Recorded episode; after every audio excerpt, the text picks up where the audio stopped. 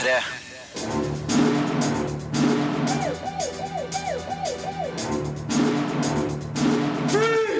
Filmpolitiet! What's your name, dude? Birger Vestmo.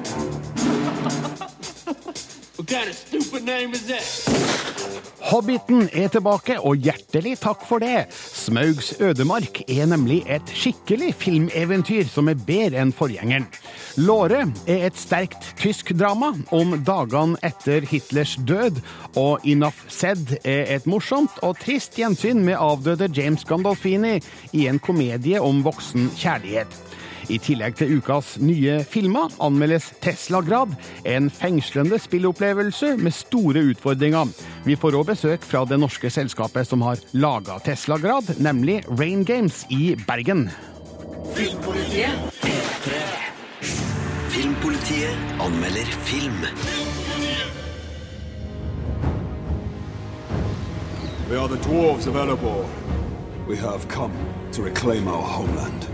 Vi har sett flere ganger at andrefilmen i en trilogi blir en slags transportetappe.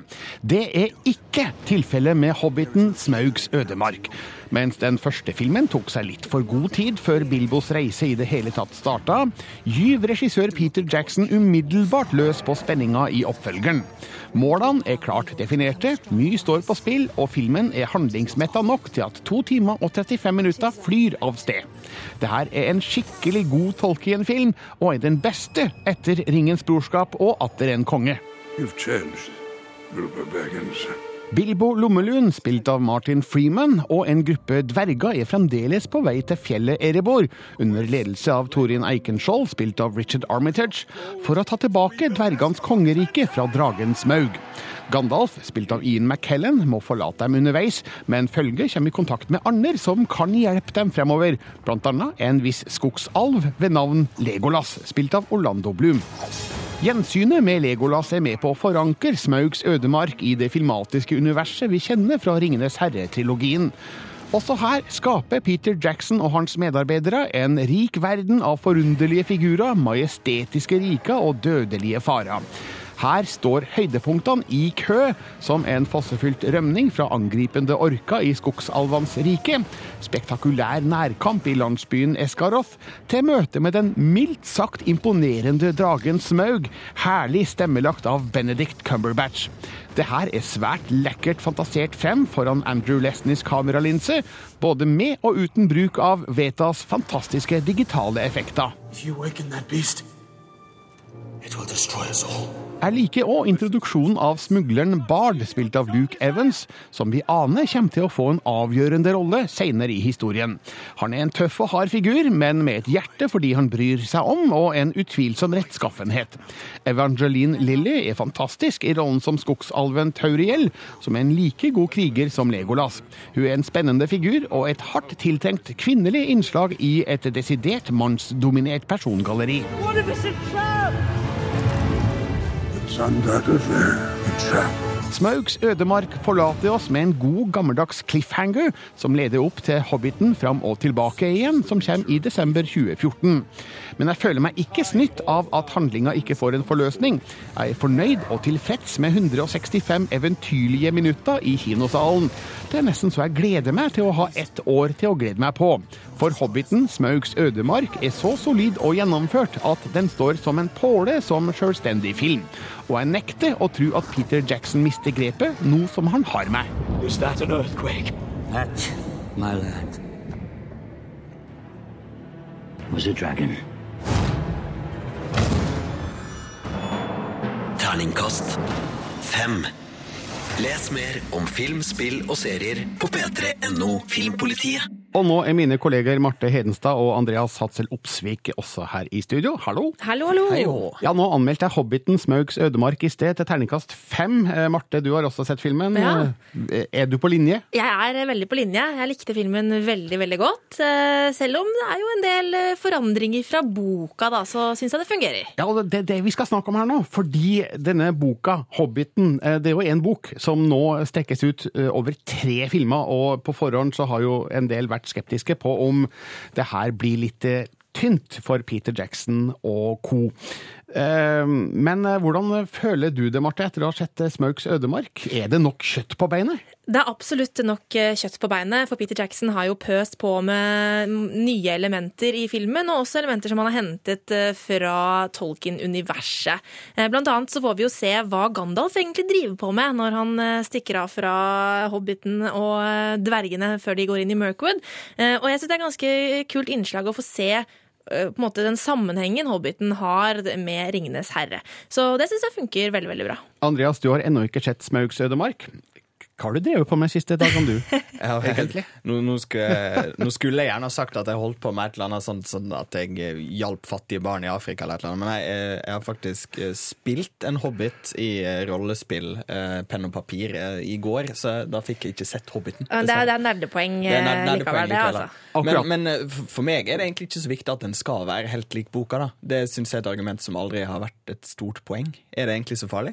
Det er egentlig ikke så farlig, men jeg merker at eh, jeg eh, rynker litt på nesa når det pøses på med elementer som ikke har noe med Tolkiens univers å gjøre, eh, og som ikke har noe sammenheng med boka. Som for eksempel hva da? Altså, eh, for eksempel eh, Hvor mye skal man avsløre, da? Altså, da Ja, vi må være litt sånn spoilerforsiktige det er, her. Det er veldig mye mer orker her, da, Ja. enn en det det egentlig er i boka. Og det er jo selvfølgelig for å pøse på med herlig action, eh, men jeg syns kanskje det ble litt for mye av det gode. Det er vel også noen figurer som eh, ikke opptrer i Hobbiten-boka her, Andreas? Ja, Den eh, kvinnelige alven Tauriel er jo tatt inn som et eh, fullstendig nytt element. Mm. Og hun har en kjærlighetshistorie her som jeg skal ikke avsløre for masse om, men i hvert fall eh, en, en person som ikke er med i noen av bøkene, egentlig. Nei. Eh, Og, men det er, jo, det er jo helt greit òg, ikke? Ja, altså, jeg, Akkurat når det gjelder Tauriel, så syns jeg det fungerer veldig fint. Det er Evangeline Lilly som spiller henne, og hun gjør det veldig godt. Og jeg liker at det kommer eh, en dame inn i her, for det er jo en veldig sånn mannsdominert eh, Veldig, ellers. veldig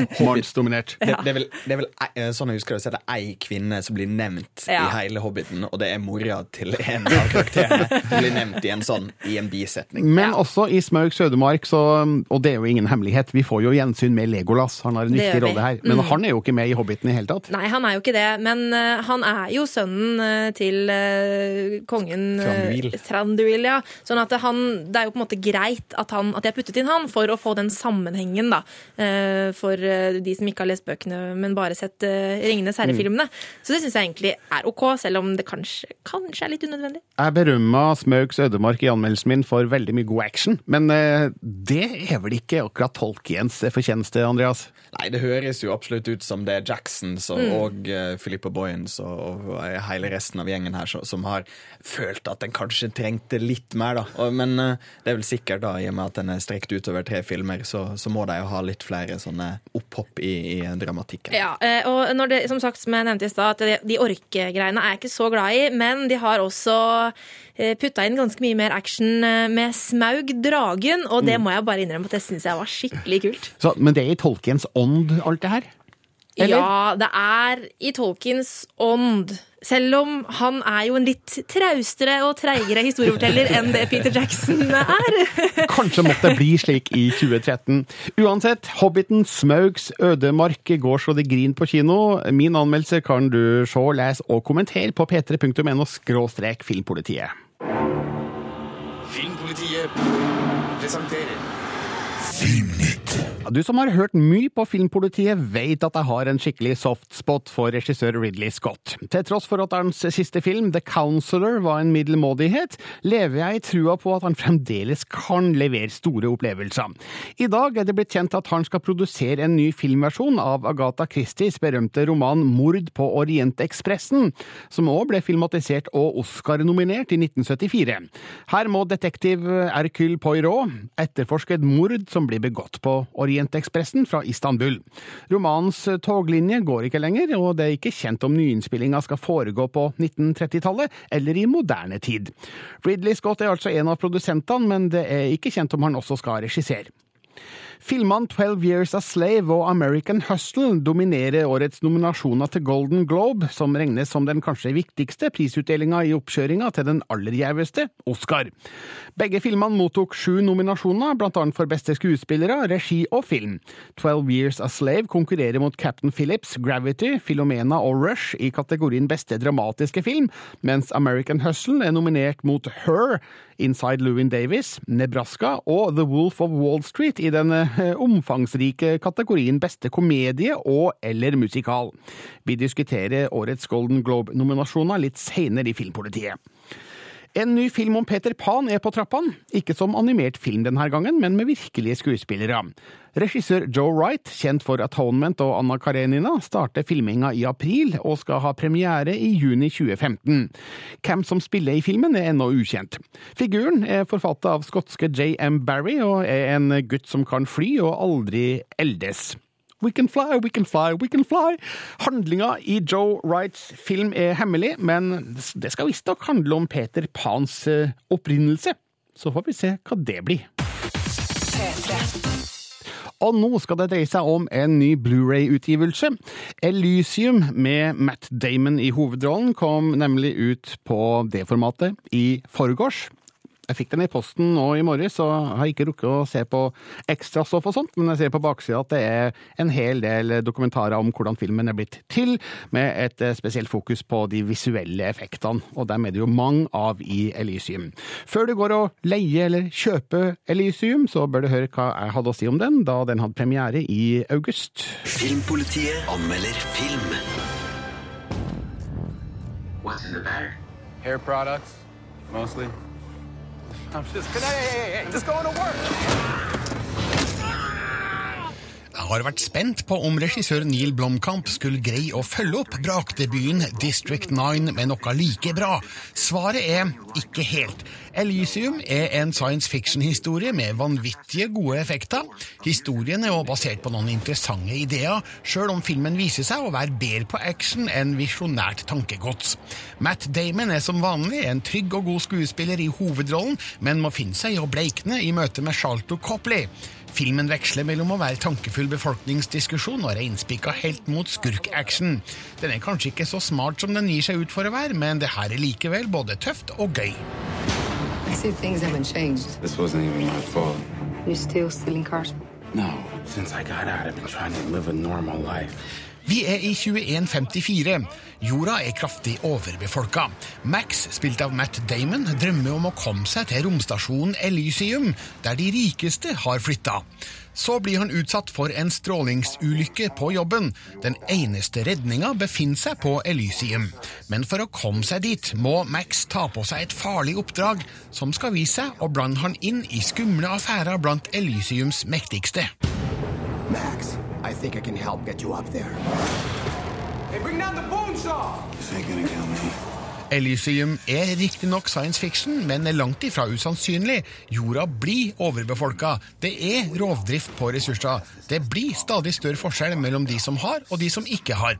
Blomkamps film beskriver effektivt et Los Angeles med forfalne skyskrapere, søppel og ruiner overalt, og en befolkning som gjør det de må for å overleve en hard hverdag. Miljøskildringa er imponerende. Likedan er kontrasten stor til Elysiums dannede kretser med fine hager og store svømmebasseng, med jordkloden som utsikt. Three undocumented ships are approaching Elysium airspace. Shoot them down. Matt Damons Max er tydelig prega av et hardt liv på skråplanet. Når vi møter han, har han skikka seg, men Damon spiller Max med stor overbevisning som desperat mann med store drømmer. Jodie Foster har åpenbart Margaret Thatcher som forbilde i sin rolle som Elysiums kompromissløse forsvarssjef. Men Shalto Copley stjeler showet. Mannen som kom fra intet og imponerte alle med hovedrollen i District 9, gjør her en herlig skurkerolle som han virkelig koser seg med.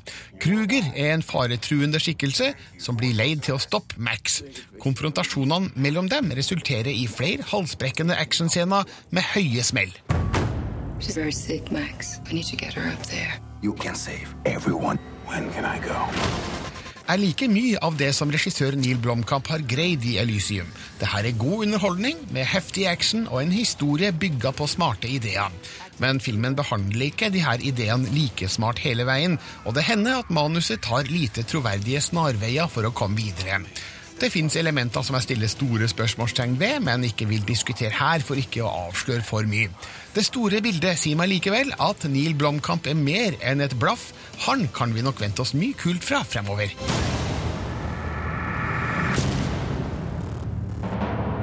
Terningkast fire. Og nå er altså Elysium ut på Blu-ray, og sikkert DVD også, hvis du gidder det. Filmpolitiet anmelder film.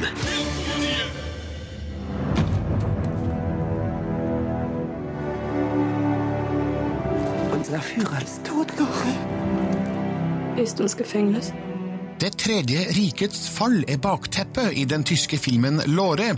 Et sterkt drama om en søskenflokk som må ta seg gjennom et land i full kollaps etter Adolf Hitlers død. Jeg blir hensatt til 1945 på ytterst troverdig vis i en film som imponerer på flere måter. Følelsen av tid og rom er svært sterk, koblinga til naturen er både vakker og farlig på samme tid, og de unge skuespillerne er svært dyktige. Låre er absolutt anbefalt, men ikke til kos og hygge. Thomas, jeg er din Bruder. Det er altså mai 1945, og de allierte har vunnet krigen. Taperne forsøker å gjenvinne fotfestet i en kaotisk situasjon der all samfunnsnorma er borte. Tenåringsjenta Låre, spilt av Saskia Rosendal, og hennes søsken blir forlatt av sine foreldre og tvinges til å ta seg gjennom landet for å komme seg til bestemoras gård ved Hamburg. De får følge av den unge mannen Thomas, spilt av Kai Malina, som Låre aner uråd med, men trenger sårt hans hjelp på reisa. Hvorfor magst du ikke eigentlich nicht? Er en ein Parasit. Was haben wir getan? Filmens fokus på barn som plutselig må bråvokse, gjør inntrykk. Spesielt hovedrollen er en sterk prestasjon.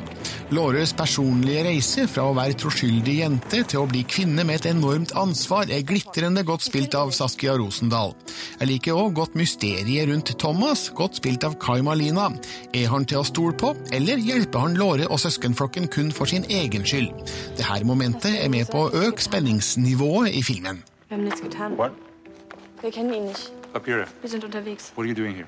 Was du machen here? Er gehört nicht zu Apira, uns. Ryerson only with permission. Er war in der Schule. Er okay, verfolgt slow uns. down. Er, Sl- langsam. Ich habe Papiere. Det er flere svært vakre bilder av tysk landsbygd i filmen, som foregår i naturen nesten hele tida. Det gjør det sjølsagt enklere for regissør Kate Shortland å skape illusjonen av 1945, men det er òg gjort et svært godt arbeid på kostyme- og maskefronten. Tidskoloritten er førsteklasses og gir et troverdig bilde av hvordan dagene etter Hitlers fall kan ha fortona seg for vanlige tyske borgere. Beskrivelsen av et samfunn i oppløsning er god. All tilførsel av mat og klær er bort. Det er alle og en for seg sjøl. Det er òg forstemmende å se hvordan noen figurer fremdeles tviholder på drømmen om Hitlers overlegenhet, mens andre begynner å ane rekkevidden av hans handlinger. Thomas sagt, vi dürfen nicht nach Hamburg. Er sagt, es ist über die Grenze. Filmens handling går stadig fremover, med nye og vanskelige utviklinger i hver sekvens. Jeg er med på reisa, som er like vond som den er interessant. Historien beskriver menneskers gode og onde handlinger under ekstreme omstendigheter, og skildrer det tyske folks bitre tapsposisjon i kjølvannet av andre verdenskrig. Låre er et velspilt, velfilma og velregissert drama som fortjener å bli sett på kino. Hast du ihnen gesagt, was wir getan haben?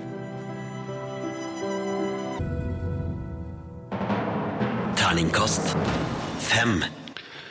I plattformpuslespillet Teslagrad må du bruke elektromagnetiske krefter for å løse problemer. Her gjelder det å holde tunga rett i munnen når du lader, og spenne magnetpoler for å navigere deg rundt i spilluniverset. Marte Hedenstad har testa denne hjernetvisteren av et spill. Filmpolitiet anmelder spill.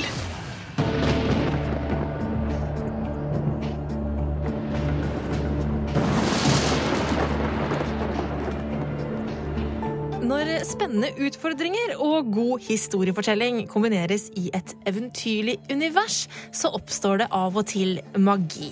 Og med pusleplattformspillet Teslagrad, der du må løse oppgaver i en steampunk-aktig spillverden i håndtegnet grafikk, har den norske spillutvikleren Rain Games klart å skape en fengslende spillopplevelse med utfordringer som vil få deg til å rive deg i håret. Dette er et strålende eventyr for deg som er glad i spill som trimmer hjernen. Historien i Teslagrad er spesiell siden den kun fortelles gjennom visuelle elementer, helt uten stemmeskuespill. Det eneste du vet når spillet starter, er at du er en liten gutt som rømmer fra noen menn. Etter hvert forstår du at du befinner deg midt oppi en fortelling om revolusjon mot en despotisk konge som styrer landet med jernhånd.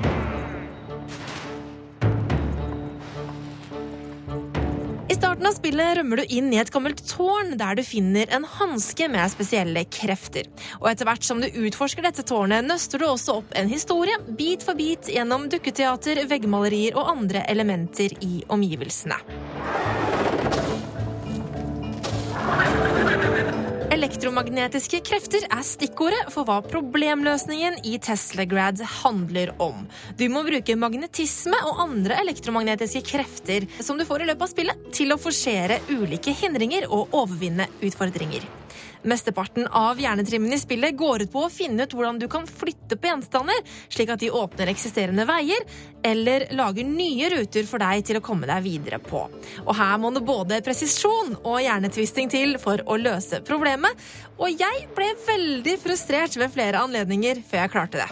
Da jeg endelig fikk det til, ble følelsen av mestring desto større, og epic winner-følelsen er et begrep som absolutt passer her.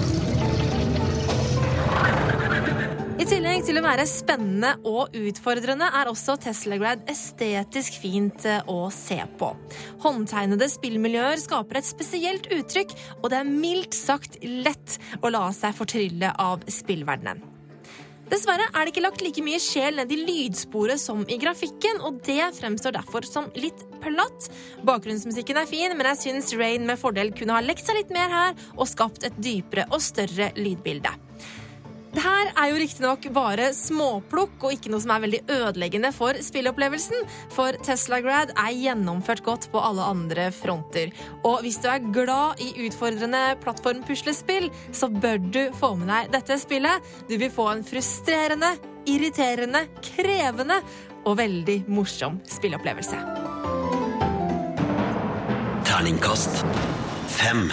Les mer om film, spill og serier på p3.no Filmpolitiet. Filmpolitiet hver fredag fra 11 til 1 på P3. Nå har Filmpolitiet besøk av daglig leder og spilldesigner Peter Wingård Meldal og animatør Aslak Helgesen fra selskapet Rain Games i Bergen. Velkommen. Takk, takk. Terningkast fem, fornøyd med det? Oh, ja, absolutt. Veldig Du, vi må starte aller først med mm, altså, tittelen på spillet, Teslagrad. Eh, Da forstår i hvert fall jeg at eh, her er dere inspirert av oppfinneren Nikola Tesla. Det stemmer. Ja, vi kan nok bedrive litt voksenopplæring og fortelle hvem var det? Tesla er en mann som er annet kjent for å ha laget eh, starten på det, det eh, amerikanske strømnettet. Han eh, lagde et konsept som het alternating currents, som gjorde at man kunne sende strøm over mye større avstander uten å miste eh, så mye effekt. I tillegg til det så er han også eh, kreditert med en rekke andre patenter. Hvis du har eh, sett en eh, Altså både nyttige og mindre nyttige eh, strømting. Men han er virkelig faren til, eh, til moderne elektronikk. Ja, Og magnetisme har han også jobba mye med. Det elektromagnetisme er, det er ett fag. Men hvordan oppstod ideen til Teslagrad ut ifra det her? Vel, eh, selvfølgelig. Hos oss er det jo magneter og slike ting som er sentrale. Og eh, i tillegg til det så har vi bygd opp en verden eh, der eh, forskjellige former for vitenskap som vi kjenner det i virkeligheten, har med litt mer fantastiske uttrykk. En del av dette, denne verden vi satte sammen, eh, dreier seg om da Elektropia med, i hovedstaden deres Teslagrad. Eh, så hvor da de, disse oppfinnelsene, de elektromagnetiske oppfinnelsene, er de som dominerer samfunnet, og som har skapt kulturen og verden. Mm. Hvilke utfordringer møtte dere i starten på, på det her prosjektet, da ideen skulle eh, realiseres til et helt spill? Ja, eh, vi har jo jobbet med et annet spill tidligere, og det var mens vi jobbet med dette her, at eh, meg og eh, en som heter Ole Ivar Rudi satt og jobbet hardt på et eh, kontor her i Bergen. Det første skikkelige kontoret vårt. Som var en del av et kunstnerlokale i et gammelt fabrikkbygg. Og det var da eh, vinteren eh, 2010, så det var eh, kaldt. Eh, store Lungåsvann hadde klart å frosse igjen her i Bergen. Og eh, kuldegradene hadde trengt inn gjennom veggene, så vi satt med fulle ytterklær inne og eh, vi varmet oss eh, med telys i den lille ovnen i, i lokalet for lengst hadde gitt seg eh, mot eh, kulden. Og da kom vi til å tenke på eh, Tesla-grad og på, de, på den måten å lage spill på. Mm. Eh, Men eh, veien fra idé til ferdig produkt den er lang og, og hard, og det er mange problemer som må løses. Eh, Hvordan planla dere problemene som vi spillerne skal løse? Det er to måter, tydeligvis. Altså, det er meg, og en som heter Magnus Holm, som har laget mange av de faktiske levelsene og løsningene. Og vi har to veldig forskjellige måter å tenke på. Jeg liker å tegne opp en skisse og ha en idé, en veldig konkret idé om et puslespill og sette det sammen på den måten. Og han liker å ta de spillmekanikkene vi har, kaste de sammen og se hva som fungerer på en mye mer fysisk og organisk måte. Eh, Aslak, hvordan planla du utseendet i, i spillet og det du skulle animere? Ja, jeg har eh, hatt ansvaret for å gjøre de eh, boss-kampene i spillet. Eh, animere de og, og tegne de. Eh, og eh, særlig for en av de bossfightene så har vel utfordringa vært å få til den historiefortellinga uten ord, da. Eh, Jeg har også hatt ansvaret for å gjøre en del animerte sekvenser i løpet av spillet som skal foregå uten dialog, og kommunisere til spilleren eh, eh, ting uten tekst kan ja, Det har nok vært den største kreative utfordringa. Mm. Ja, og i et spill uten eh, dialog og slike enkle handlingsdrivende elementer, så er vel eh, ja, det grafiske her eh, ekstremt viktig? Ja, helt klart. Eh, Vi har artdirektøren vår, eh, Ole Ivar. eh, Han eh, har eh, på en måte satt premissene, og så har vi eh, andre som har jobba med de forskjellige delene av grafikken. Prøv, prøvd å eh, eh, ja, altså Tydelighet, kommunikasjon, er egentlig en sånn veldig viktig ting her. At vi alltid sørger for at det som er viktig for spillerne, er, er tydelig, eh, tydelig synlig. Mm. Eh, og, og selvfølgelig, vi har vært veldig opptatt av at, det skal, at alt sammen skal føles som en helhet. Det skal henge sammen og oppleves som en eh, estetisk helhet. Da.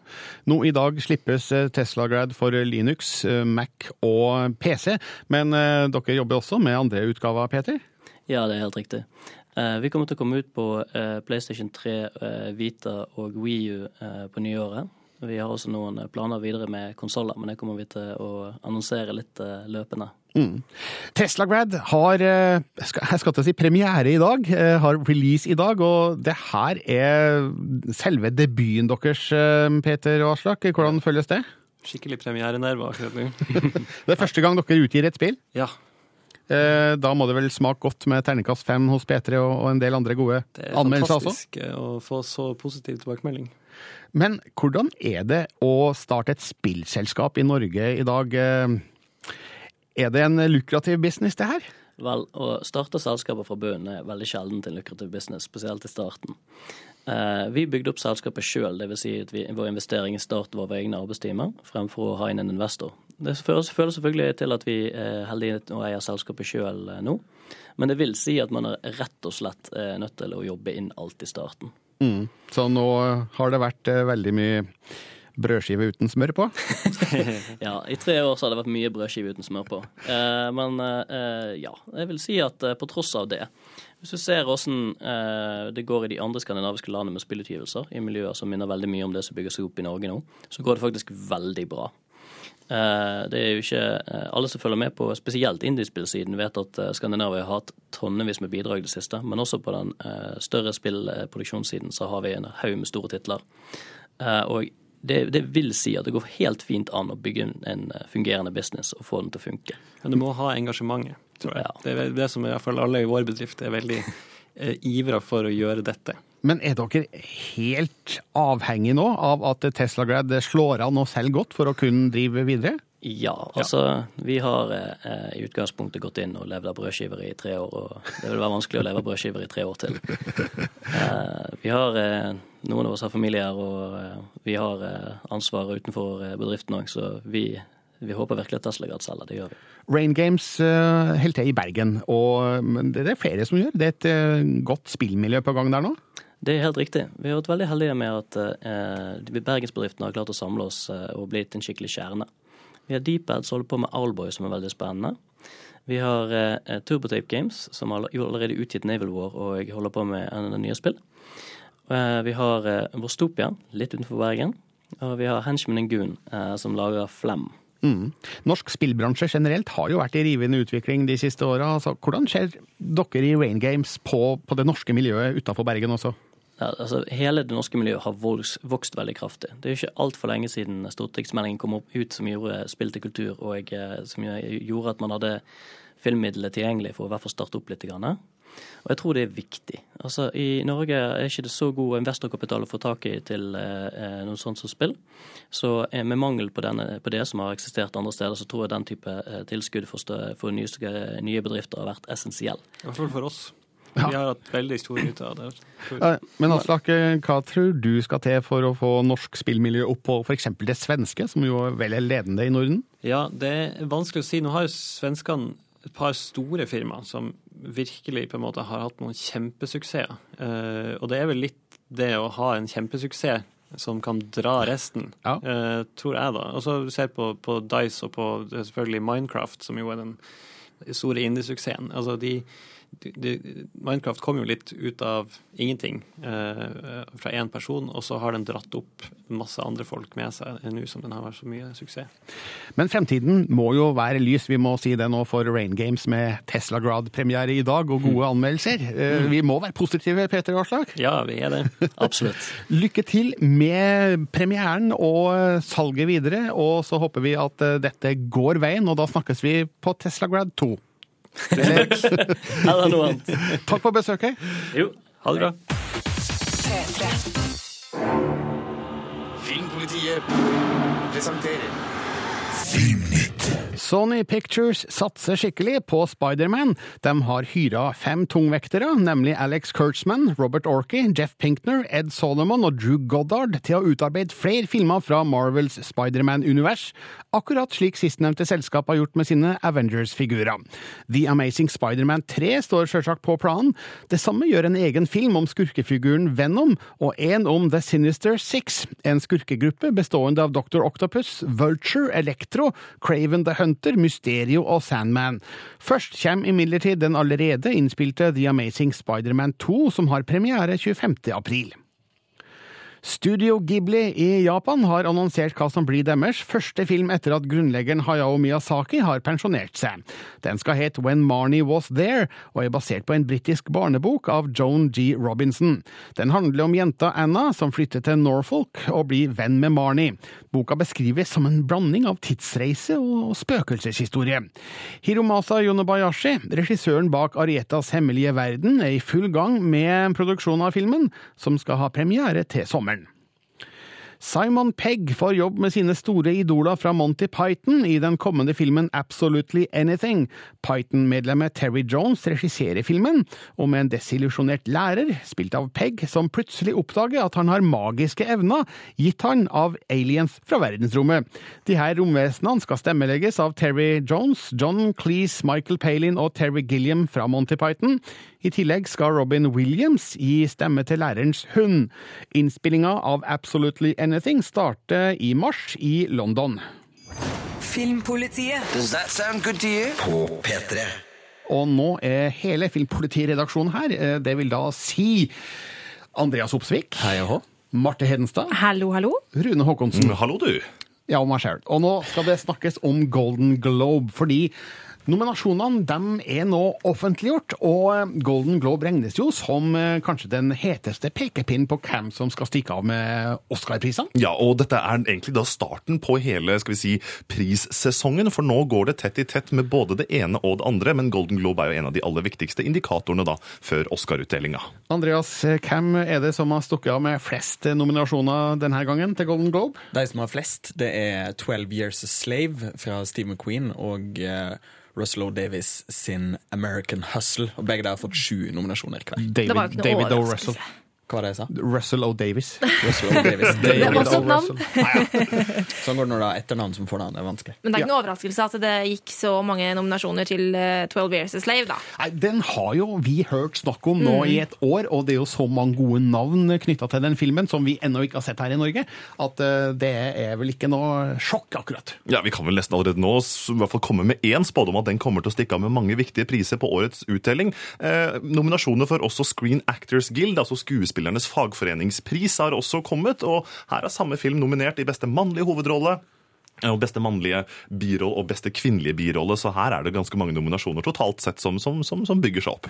Så da vet vi hvem som nå ser ut som de store Oscar-favorittene, hvis vi skal se ut ifra nominasjonene til Golden Globe. Altså Hvis du ser historisk de siste 20 åra, så korresponderer Golden Globe og Oscar i sånn 60 65% av alle priser som kan sammenlignes. Så det blir jo alltid at du, du, du, vi veit hvilke vi kan vente oss. Ja, og de som eh, ble nominert til beste spillefilm eh, på dramafilm, det var jo da 12 Years a Slave, Captain Phillips, Gravity, Philomenia og Rush. Eh, og du har jo anmeldt alle disse filmene utenom 12 Years a Slave, eh, Birger. Ja, og der er vel Captain Phillips min favoritt. altså Jeg ga terningkast seks. eh, Men eh, vel, eh, 12 Years a Slave Det vil ikke forundre meg om den er like bra eller bedre. Når det gjelder den andre kategorien i Golden Globe, den er litt rar, syns jeg. Altså den derre beste komedie og eller musikal. Ja, Den, Ja. den oppdelinga der er litt vanskelig å forstå. Men det er jo på grunn av at eh, hvis de ikke har de to forskjellige kategoriene der, så faller ofte komedier ut til fordel for eh, sterke tunge dramafilmer. dramaene og ikke sånn, sant? ja. Og Men det er derfor har sånn de gjort det som sånn. Martin Scorseses The Wolf of Wall Street. altså Det jeg har hørt og lest og sett om den, det, det er vel ikke en musikal eller en komedie? Men, men den er under den kategorien? Ja. ja, den er det. Ja, det, var som, det var som Seth Rogan tvitra i går, eh, jeg husker ikke ordrett hva det var, men uh, han sa at eh, the category best snuff film slash romcom movie will kick ass next year. Men uh, det som er morsomst egentlig med sånne Golden Globe-nominasjoner, er hvem er det som ikke fikk? Altså Hvem er det som sitter med skjegget i postkassa nå og er skikkelig sure og grinete? Hvem har størst eh, skal vi si, grunn til det, Andreas? På TV-sida så eh, vil jeg i hvert fall si at jeg savner Game of Thrones og Mad Men og egentlig, som ingen av de har fått noen Hæ? som helst nominasjon. Mm. Ingenting, altså? Ingenting. Og Mad Men har jo trona på både Emmy- nominasjonen, toppen og Golden Globe-toppen tidligere, mens nå er de helt ute, så nå er det tydeligvis eh, lurer at folk er lei. Matthew, Wiener Weiner må ha tuppa noen i ræva på en eller annen sånn eh, fest her, tror jeg. Det må ha vært noe sånt. Eh, På filmsida så aner det meg at kanskje The Butler av Lee Daniels, eh, de folka der er litt snurte, som ikke fikk noe som helst. Det er jo det er så Oscar-bait, den filmen. Det er så Oscar-bait. Altså, det, det er film som er lagd for å bli nominert til noe, og det er helt greit for meg at den ikke ble nominert. Og, og du ga den terningkast fire, Birger, så du var ikke spesielt imponert. Altså, den, den var jo god, men det var ikke Oscar-materiale, mener du? Nei, jeg var litt for søtt. Litt for nostalgisk. Eh, Klissete. Ja, litt for mye kliss, rett og slett. Da. Nå skal det også sies at eh, Golden Globe, eh, de som står bak der, er The Hollywood Foreign Press Association. En litt sånn diffus eh, gruppe journalister som eh, vel kanskje ikke nødvendigvis er de mest meritterte i journalistsammenheng. Det har vært mye oppstyr rundt det de siste åra. Men eh, det er klart at de har muligens et litt mer sånn europ europeisk eh, schwung enn det Oscar har. Jeg har en kandidat for øvrig som jeg tror kan bli årets overraskelse, både på Oscar-oppdelingen og på de andre, og det er filmen Dallas Buyers Club, hvor Matthew McConaughey spiller hovedrollen. Og der har jeg hørt eh, ganske mye hviskninger og tiskninger rundt omkring på at han kan være også en aktuell, aktuell kandidat inn mot eh, hovedprisen på, på, på Oscar-utdelinga. Også morsomt syns jeg det at Daniel Bryl eh, har blitt nominert både for Golden Globe og Screen Actors Guild Awards for sin rolle som Nikki Lauda i Formel 1 drama action-komediefilmen Rush. Så um, da heier jeg på Daniel Bryl, og så får vi se da i januar-februar hvem som stikker av med Golden Globe og så Oscar-prisene. Tusen takk, Andreas, Marte og Rune. Filmpolitiet anmelder film. So you're a masseuse? I am. What is it that you do? I'm a poet. And I'm a dreamer. No, really. Oh, you're really a poet? Yeah. Oh. Enough Said er både morsom og trist. Morsom fordi den er søt, smart og sympatisk, uten å revolusjonere romcom-sjangeren. Trist fordi det er første film på kino med James Gandolfini etter hans død. Her ser vi han som en varm bamsemann sammen med sprudlende Julia Louise Dreyfus i romantiske forviklinger med flere gjenkjennelige punkter. Dialogen er spenstig, spekka med gode poenger, og sørger for at filmen blir lett å like. Iva, spilt av Julia Louise Dreyfus, jobber som massør, er singel og mor til ei datter som straks skal begynne på college. På en fest treffer hun Albert, spilt av James Gandolfini, som er i samme situasjon. Samtidig møter hun Marianne, spilt av Catherine Keener, som blir en god massasjekunde og venn. Men når det viser seg at hun faktisk er Alberts ekskone, holder Iva tett om at hun dater han, for å finne ut mer om mannen hun er i ferd med å involvere seg med. Intrigen er sjølsagt litt søkt, men det går an å forstå Ivas motiver. Hun har et havarert ekteskap bak seg, og er lite lysten på å begi seg ut på et nytt eventyr med feil prins. At hun ikke kaster kortene umiddelbart er sjølsagt moralsk forkastelig, men samtidig skaper det en interessant situasjon med forviklinger som er dømt til å gå gærent. Iva er en umiddelbar sympatisk figur. En hverdagslig skrue som har det med å rote til for seg sjøl.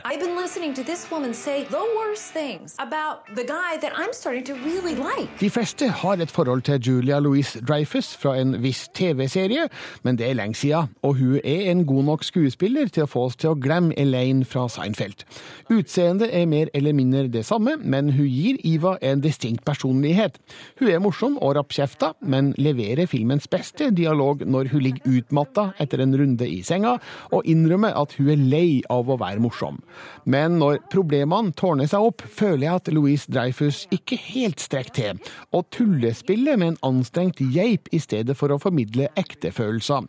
Der gruses hun av James Gandolfini, som opptrer avmålt og kalkulert, men avslører med blikk og ansiktsuttrykk hva som rører seg der inne. She's like a human TripAdvisor. Albert is not a hotel.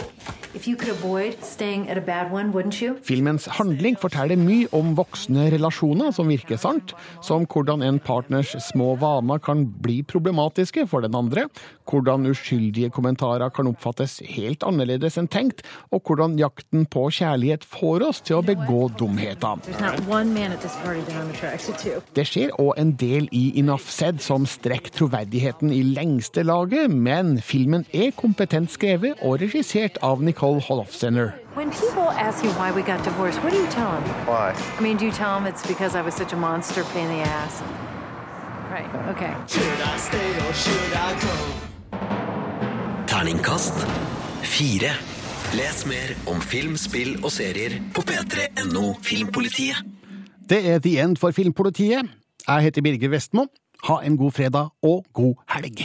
Hør flere podkaster på nrk.no podkast. P3.